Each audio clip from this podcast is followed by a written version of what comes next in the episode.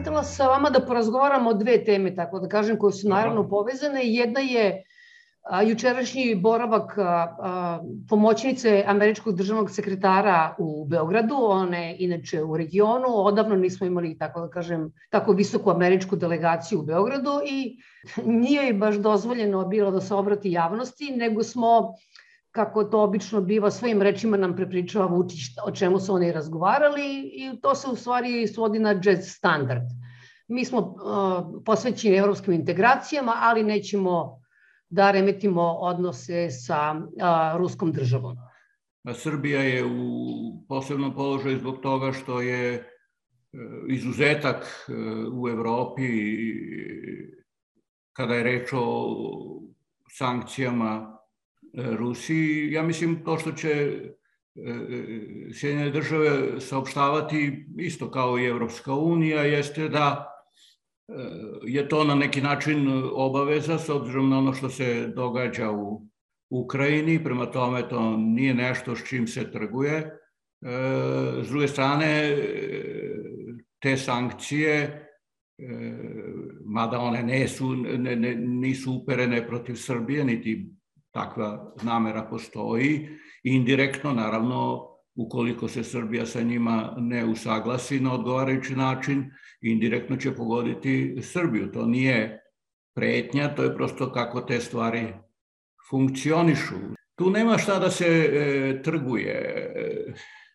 U, u Srbiji je e,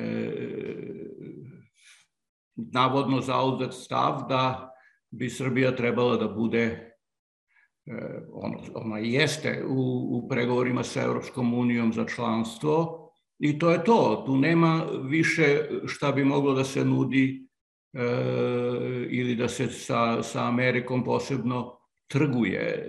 Niti se može trgovati kad je reč o eventualnim teritorijalnim aspiracijama Srbije, niti se može trgovati kad je reč o odnosa prema štampi, prema opoziciji i sve to, to se ništa ne menja.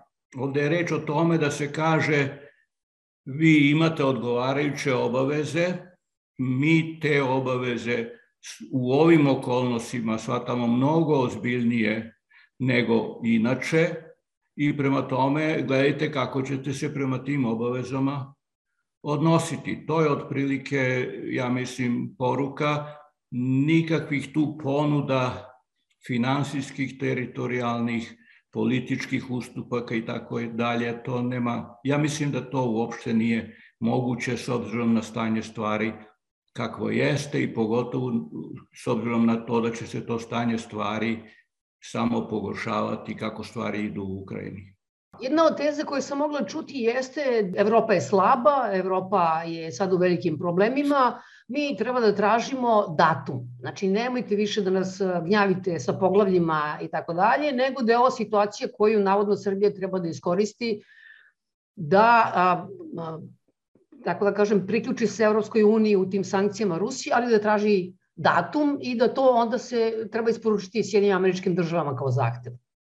Gledajte, vi morate poći od toga da je situacija u Ukrajini, ovo što se događa u Ukrajini, značajno oslabilo srpsku stranu, značajno oslabilo srpski značaj i srpsku stranu. To je potpuno pogrešno razumevanje da sad u stvari je na neki način ojačan pregovarački položaj Srbije. To je sasvim suprotno.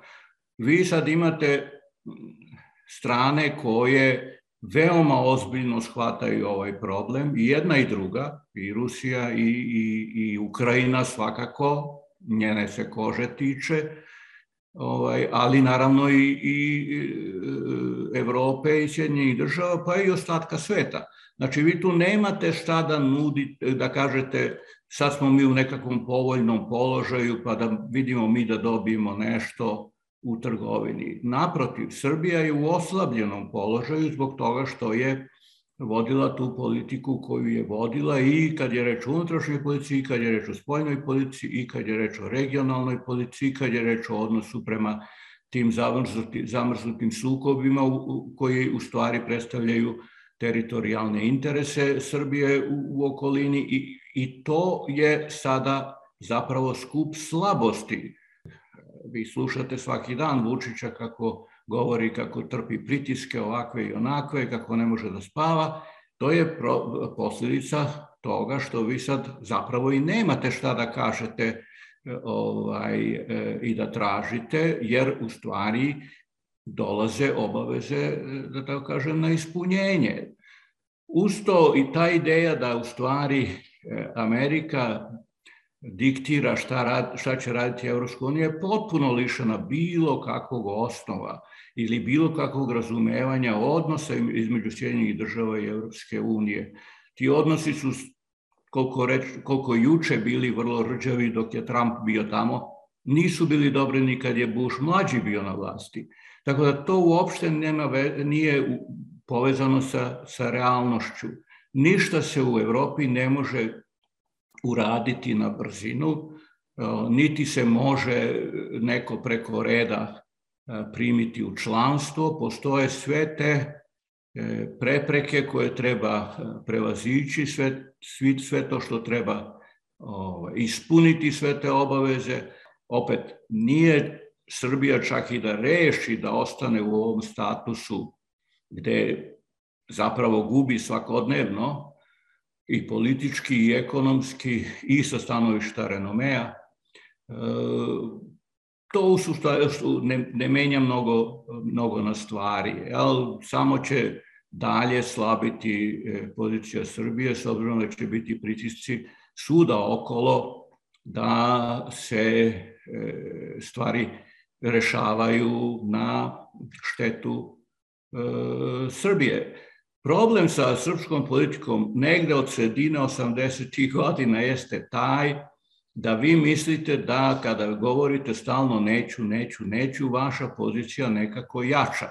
Zapravo događa se to da drugi donose odluke na vašu štetu i to je tako sad već 30 godina, ali taj nauk na neki način ne može da prodre. Ukoliko se Srbija, odnosno Vučić, odluči da, kako se to kaže, uskladi spoljnu politiku i taj odnos prema Rusiji povodom Ukrajine, kako bi se Rusija u tom slučaju odnosila? Da li bi imala razumevanje za svog mlađeg brata ovde na Balkanu? Gledajte, taj odnos prema Rusiji je jako, jako rđavo interpretiran, uglavnom, ja mislim, velikim delom zbog toga što se tom interpretacijom bave ljudi koji su intelektualno lenji i često i ne pamte čak i ono što se je li događalo. Vi ste mogli juče da čujete Putina kako detaljno obrazlaže ovaj, odluku, sve u, u osnovi pogrešno, ali svejedno obrazlaže odluku Međunarodnog suda pravde kad, kad je reč o Kosovu i to brani kao presedan u, u odnosu na ove takozvane narodne republike u Donbasu. Jel? Tako da vi vidite da prosto Rusija ima jedan odnos ako hoćete da tako kažem, i, i, i sebičan, što nije uopšte čudno u međunarodnim odnosima, kad je reč o njenim interesima. Ljudi često gube iz vida, to je ta intelektualna lenjost, da kad je reč, to je ovo što Putin ne kaže, kad je reč o Kosovu, Rusija je sve do glasanja za Ahtisarijev plan, pa onda za plan Išingera, bila deo procesa koji, koji je i po tumačenju Međunarodnog suda pravde za jedno od legitimnih ishoda imao nezavisnost Kosova.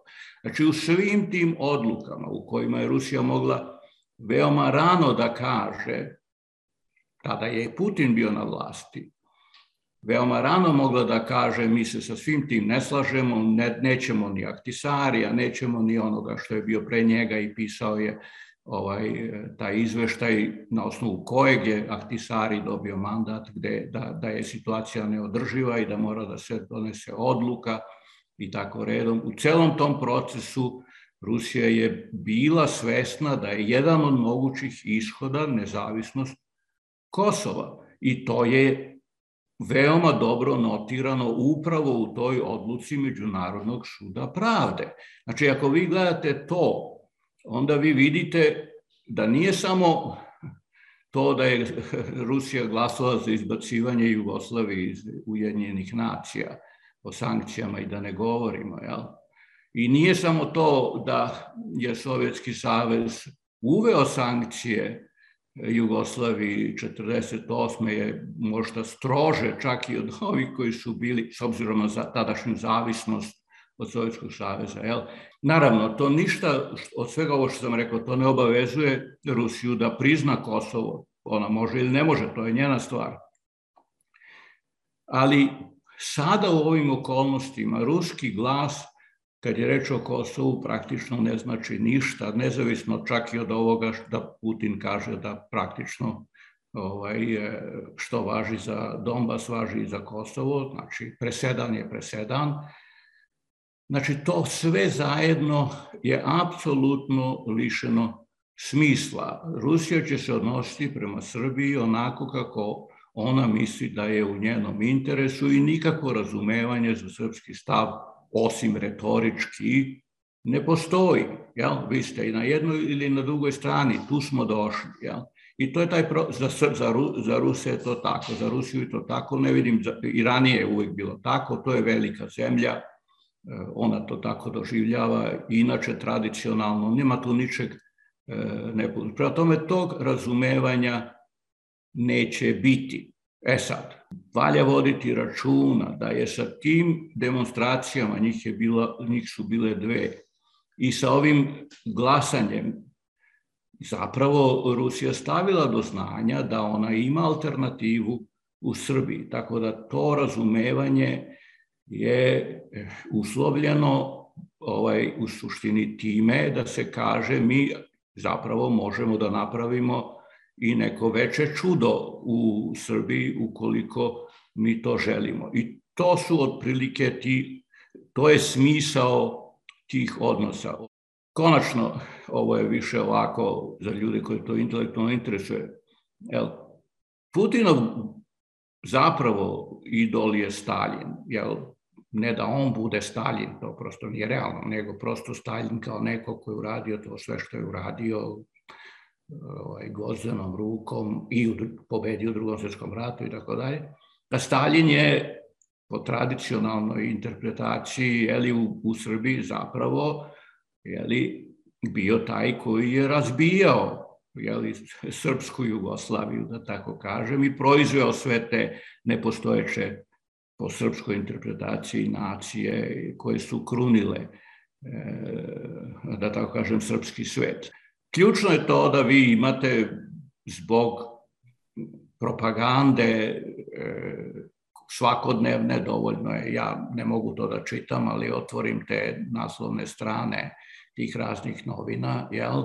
I to je očigledno kad vi vidite šta tu piše, jel? Šta se, koja se poruka, poruka šalje, jel? Vi vidite jedno oduševljenje, jel? Imate naslov, ubijeno ne znam toliko i toliko, razrušeno toliko i toliko, uništeno toliko i toliko. I, ovaj, to je, da tako kažem, razorno za jednu, jedan politički moral i za jednu uh, zdravu političku javnost. I naravno u tim okolnostima vi zaista ne znate šta sutra može, može da bude. Jel? jedan predsednik e, Srbije, tako reći juče, rekao kako bi najbolje bilo da Srbija bude ruska gubernija. Prema tome, sve su te stvari e, moguće. Jel?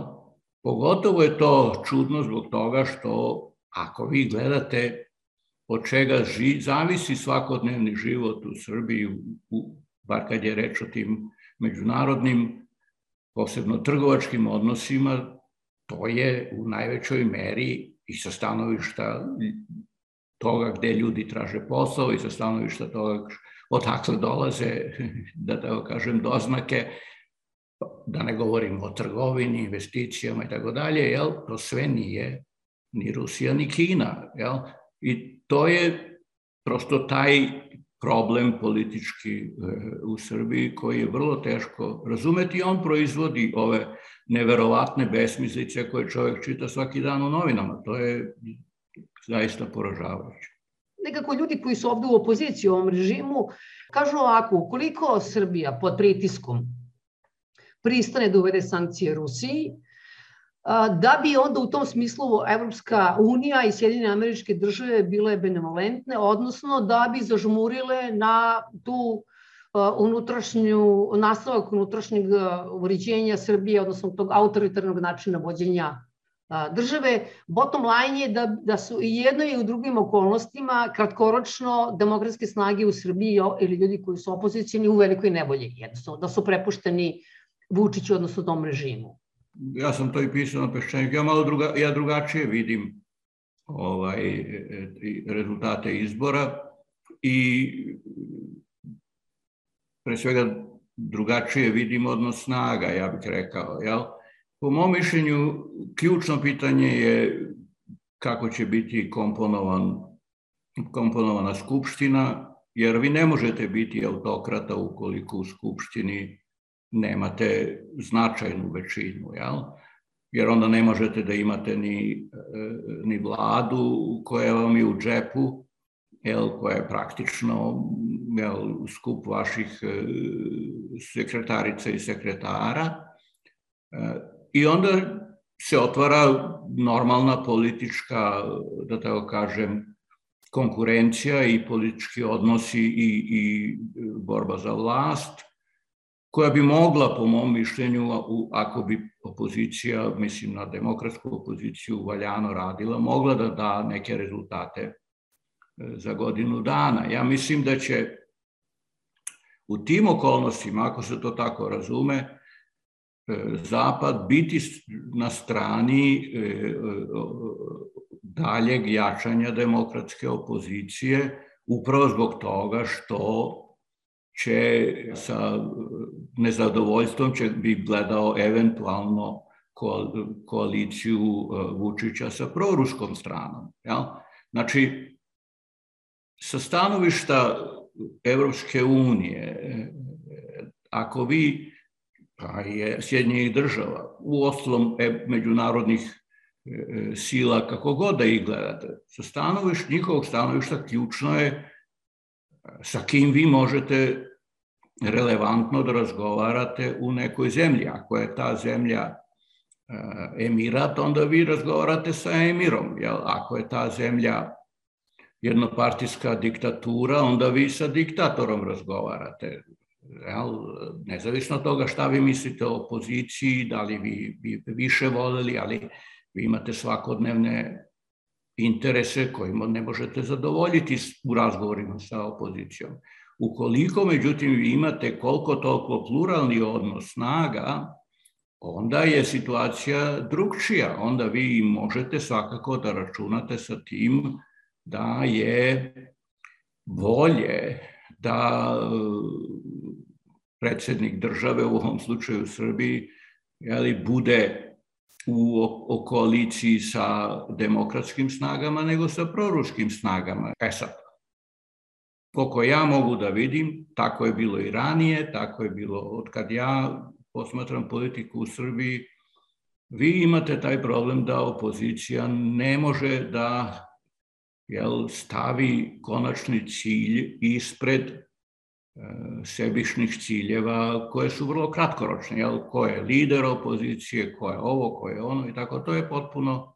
I onda naravno u tim okolnostima vi u stvari ne možete da iskoristite tu snagu, te šanse, tu podršku, zapravo razočaravate ljude značajno i to je taj problem. Jel? Obično, obično, ako vi vidite da se e, neko ko je dugo bio na vlasti, ako vi vidite da se njemu kruni ta podrška, to znači da vi u sledećim izborima, ako je ta, to krunjenje evidentno na, na recimo ovim izborima, onda to znači da na sledećim izborima vi bi trebalo da prođete bolje. Zato što je to taj trend, jer veliki broj ljudi gleda i ceni ne nužno šta oni žele, nego ko ima izgleda da pobedi. To nije slučaj samo u Srbiji, to je normalno, to je taj takozvani bandwagon efekt. U Srbiji je obratno, svi, sve što čitam jeste da e, Lelek da je e, propala šansa i da su se, i to, to je potpuno netačno. Vi, mislim, ako se tako ponašate, tako će i biti, ali to uopšte nije neophodno. Vi bi sad trebalo da vidite kako vi možete da sada poboljšate svoje izglede s obzirom na to da je očigledno da je autokrata i njegova partija i njegovi proruski koalici partneri da su oni pred velikim problemima i vi sad treba da tu kažete mi smo ti koji smo u stanju da preuzmemo odgovornost u zemlji i da rešimo te probleme. To je suština e, e, politike. Jel? Tako da to sve određuje onda i s kim će ovi s polja da razgovaraju. Jer ako oni vide da u stvari moraju da razgovaraju sa onim ko faktički drži vlast, onda će oni sa njim razgovarati i to je tako. Da prećemo na ovu najnoviju situaciju uh, koja se odnosi na rat u Ukrajini. Evo danas imamo tu novi moment, a to je nešto što je do duše iz Moskve najavljivano da će biti obustavljena isporuka gasa. Za sada je to u pitanju Poljska i Bugarska, jeli? Šta mislite da su glavne stvari na koje treba obratiti pažnju u ovom momentu koji bi mogli da naznače u kom pravcu se to kreće? Jeli? Jer Lavrov malo malo pa pominje treći svetski rat. Mislim, to njima je ušlo u vokabular, u dnevni praktično.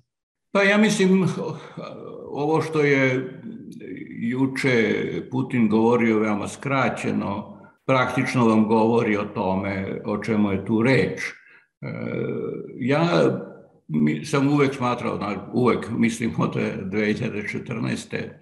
da je ta odluka da se Krim, da se anektira Krim i da se pokuša sa aneksijom Donbasa i čitavog, da tako kažem, priobalja e, Crnog mora, sve do Pridnestrovlja, da je to e, bila taj, cilj nije ostvaren, zato što prosto ljudi u Odesi nisu se digli protiv ukrajinske vlasti i u Hersonu i u svim tim krajevima, a i ovo što su uspeli u Donbasu je zapravo krnje i ništa od toga, uključujući Krim, nije bilo moguće bez ruske vojske.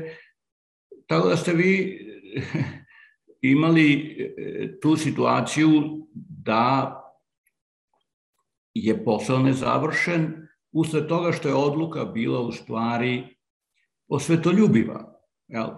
E, ishitrena je bila, nepromišljena i osvetoljubiva.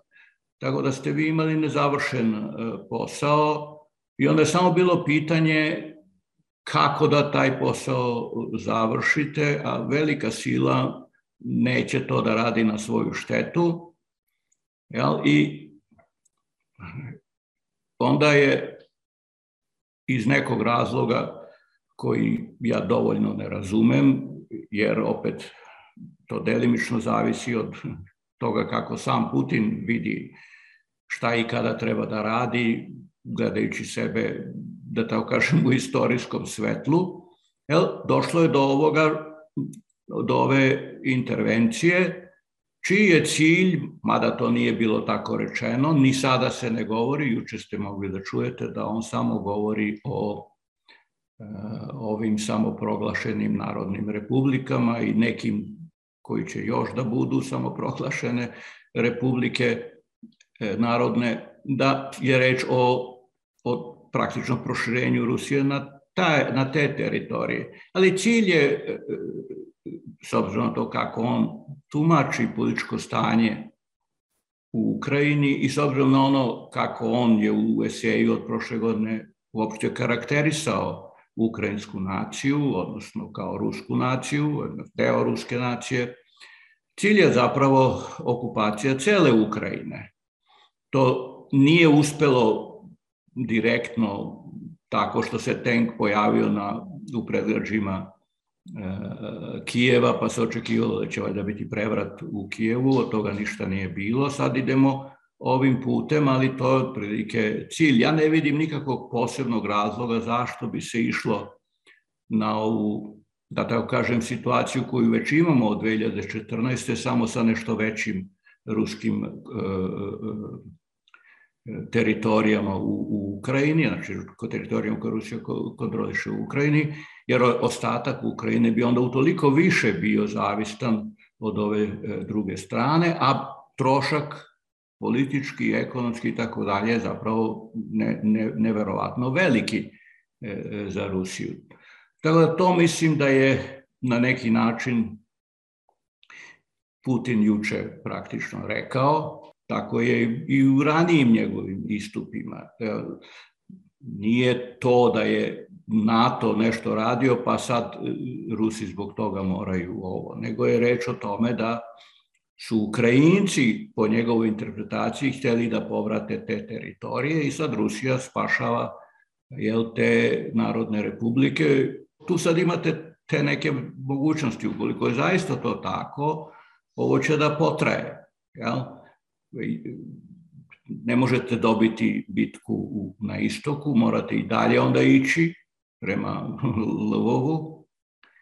Minimalno je naravno da vi spojite sve ovo do, do, do tog dela Moldavije koje u stvari već kontroliše Rusija od, od raspada Sovjetskog saveza Tu je osnovni problem, pored te eventualne izvodljivosti cele te ideje, jer Rusija može i da ne uspe, onda se stvar dramatično komplikuje e, za Rusiju. Ali čak i da neki delimičan uspeh se ostvari, pa se sve to oduži, ključna stvar sa stanovišta međunarodnih odnosa jeste da je rizik od toga šta će Rusija uraditi dramatično povećan. Znači svako, uključujući Kinu i svih drugih koji su eventualno, uključujući Belorusiju, e, svi moraju da računaju, kao što vidite i u Finskoj i u Švedskoj, sa značajno povećanim rizikom od mogućnosti da će Rusija doneti ovakve iznenadne, teško objašnjive odluke koje imaju dramatične posledice e, za, za, za ceo svet u suštini, a ne samo za u ovom slučaju Ukrajinu. To se onda, da, se, da idem na, i na tu temu, odnosi naravno i na gas. Vi sad odjedan put odlučite, mi ćemo da primamo od vas samo rublje, nećemo da primamo to, dolare, evre, šta bilo. Mada to je samo po sebi besmisleno, jer je cena u dolarima. Ono što je tu važno jeste da vi sad morate da razmišljate svako, uključujući Nemačku, ona već razmišlja, svakako Evropsku uniju, svi, sve druge, jeli, da je po, da o tom povećanom riziku samovoljnih odluka preko noći jeli, vašeg par, trgovačkog partnera u ovom slučaju, jel, kad je reč o, o, o naft, uvozu iz, iz Rusije nafte i gasa. Jel. I onda naravno idete na to da tražite alternativu, jer taj rizik na neki način mora da se osigura. Vi ne možete da ovaj, e, e, čekate svako jutro šta će neko u Kremlju da odluči. Čak i ako je taj rizik povećan sa 0 na 15%, to je veliko povećanje i vi morate tražiti alternativu. Tako da će se razdruživanje ekonomsko od, od Rusije ovim pojačati. Opet, to su osvetoljubivi potezi, slično kao i ovi potezi 2014. koji su nepromišljeni i osvetoljubivi u odnosu na Poljsku, u odnosu na Bugarsku, posebno u odnosu na slabije. Prema tome, to što vi sad kažete da je cena ta, ako vi računate taj rizik kao što morate, jer nećete to kupovati samo danas, onda je to zapravo mnogo povećanje cene. To se onda odnosi na sve druge, i na Kinu, i na, na, na Indiju, na bilo kog vašeg, jer niko ne može da kaže jeste, to, se odno, to, će, to je prema zapadu, ali mi ne možemo doći na red. To vi nikad ne znate ako je neko samovoljan. Jel? U ostalom, istorijski posmatrano, vi lako možete da dođete na red. I sad do, dolazi ta eh, nebulozna ideja, neki put da dođete do tog novog svetskog poredka o kome uglavnom govori govore ne Putin, nego njegovi ovi glasnogovornici ili ideolozi. Ja? Evropska unija će ubrzati taj proces razdruživanja, ekonomskog razdruživanja od Rusije. To će takođe da se ubrza i u Nemačkoj, koja je inače najviše računala sa tim da ruske vlasti dolaze i odlaze, ali Rusija ostaje, da oni zapravo imaju odnose sa Rusijom, a ne sa Putinom, to više tako neće biti, jer vi prosto ne znate koju, koju odluku ruske vlasti mogu sutra da donesu. I to je, po mom mišljenju, ključni problem u celoj ovoj stvari, zbog čega će trajno biti narušeni odnosi u Evropi pre svega, ali onda i u Aziji, jer e, Rusija je azijska zemlja, isto koliko i evropska, i tamo igra ulogu drugčiju, naravno, ali, ali, ali svejedno igra značajnu ulogu i, i tamo. I to je sve, po mom mišljenju, izuzetno nepre, ne, nepromišljeno i uglavnom motivisano osvetoljubivošću i to nije dobro. Ako vi čitate Putinov ovaj, taj esej, vi vidite da on u stvari nema simpatije ni za federalističko uređenje. On prosto smatra da to treba da bude deo Rusije, a Rusija je da bude centralizovana e, država kao pod Staljinom i kao u velikoj meri pod ruskim carevima. To je otprilike ta ideja.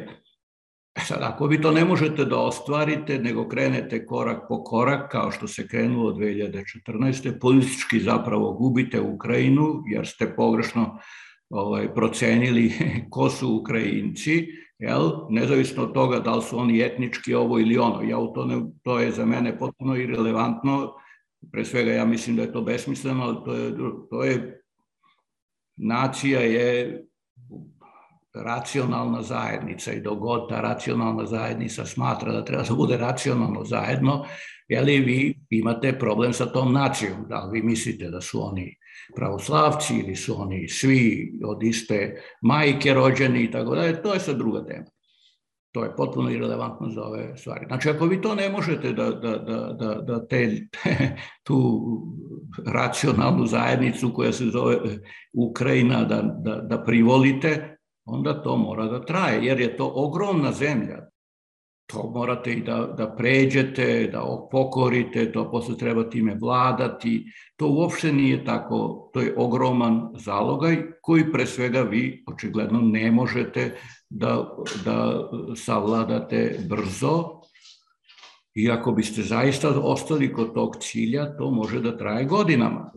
Ako to traje godinama, onda ovo što sam prethodno govorio o ogromnom povećanju zazora od ruskih odluka, ovaj, zbog toga što je rizično šta će onaj u, u, u Kremlju da odluči, onda će to da se ovaj, nastavi i onda to će biti netrajna činjenica u međunarodnim odnosima. To Kad je reč o Evropi će imati manjih efekata, jer Evropa je praktično pacifikovana na svu sreću u Evropi kad se izuzmu Srbi i, i još neki na Balkanu.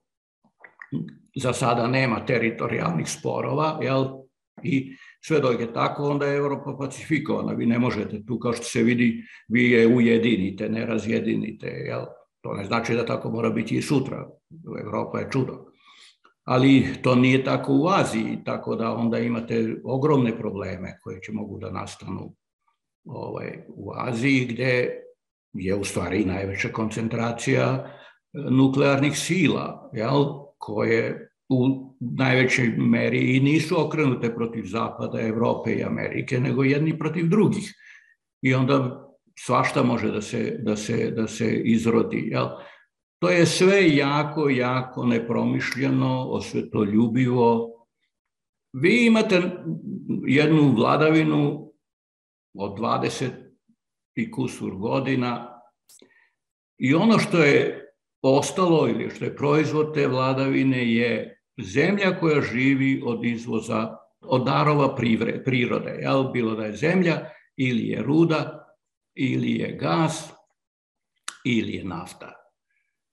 Zemlja koja ima ogromnu e, oliga, e, prebogatu oligarhiju, zasnovanu na tom, na tom prirodnom bogatstvu i zemlju koja u stvari ima tu tendenciju da je sve manje značajna za svet, a ogromna je. Jel?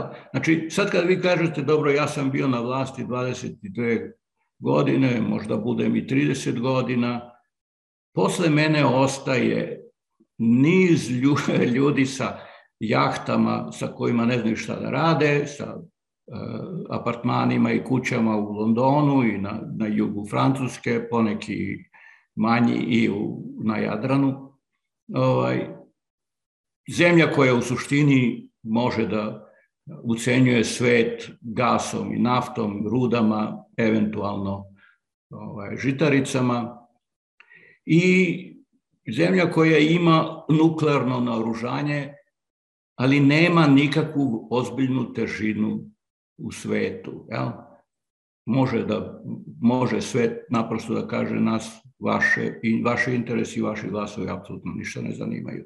I to je Znači, posle 20 ili 30 godina to vi ostavljate iza sebe i ja mislim jedno od, jedan od razloga, ukoliko ja ne grešim, e, ovaj, da se nešto učini na veličini Rusije i ruskog sveta, to je verovatno jedan od motiva.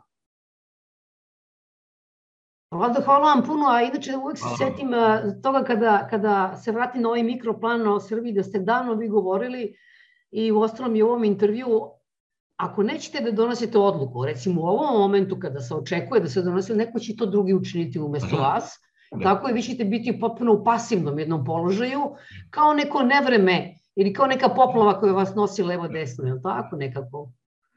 Pa znate, ja sam to, to je bio po mom mišljenju moj najveći prigovor ovima koji su došli na vlast posle 2000. godine. Jel? Vi ne možete da čekate da crnogorci reše hoće li da, da, da budu sa vama ili ne. Znači, vi ste morali da vidite da rešite to ustavno pitanje pod jedan.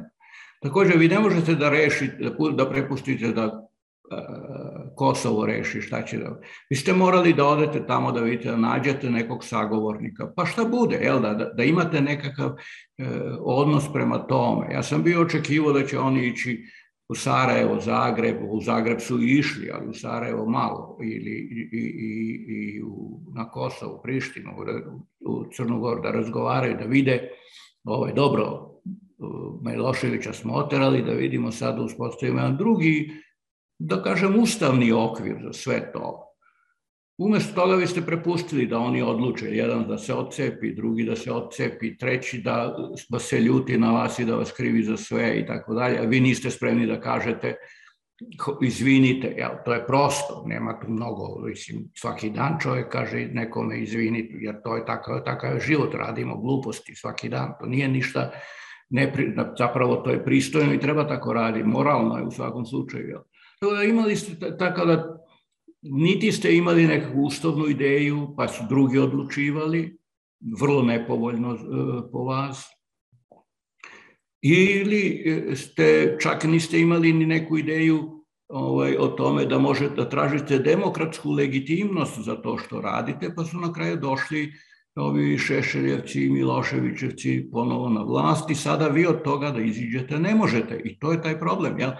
Isto se to nastavlja i sad sa ovom politikom i jedno i drugo i treće i četvrto i peto i šesto, ovaj, onda će drugi da donose odluku. Dođe neko iz Sjedinjenih država i kaže mi mislimo to, a dođe onda neko iz Moskve i kaže mi mislimo to i u nekom trenutku će oni da donesu odluku za vas. I to je suština tog problema. Prosto nemate političku snagu da kažete nećemo da živimo ni sa nerešenim problemima Kosova, ni sa nerešenim problemima Bosne i Hercegovine, ni sa nerešenim problemima takozvanog srpskog sveta, ovaj, i onda čeka, i sa nerešenim odnosima sa, sa Evropom, i sa Rusijom, i sa Amerikom, onda čekate da naravno drugi koji na kraju krajeva ne mogu da ne donose odluke jer moraju, jel, onda da, da dođu i da donose odluke po, o, o, u, u vaše ime. I onda vi onda kažete kako to je prosto od jutra do mraka tako ako ste vi žrtva. Pa dobro, jel? Na kraju to tako i ispadne. Vlad, hvala vam mnogo na ovom razgovoru. Hvala vama.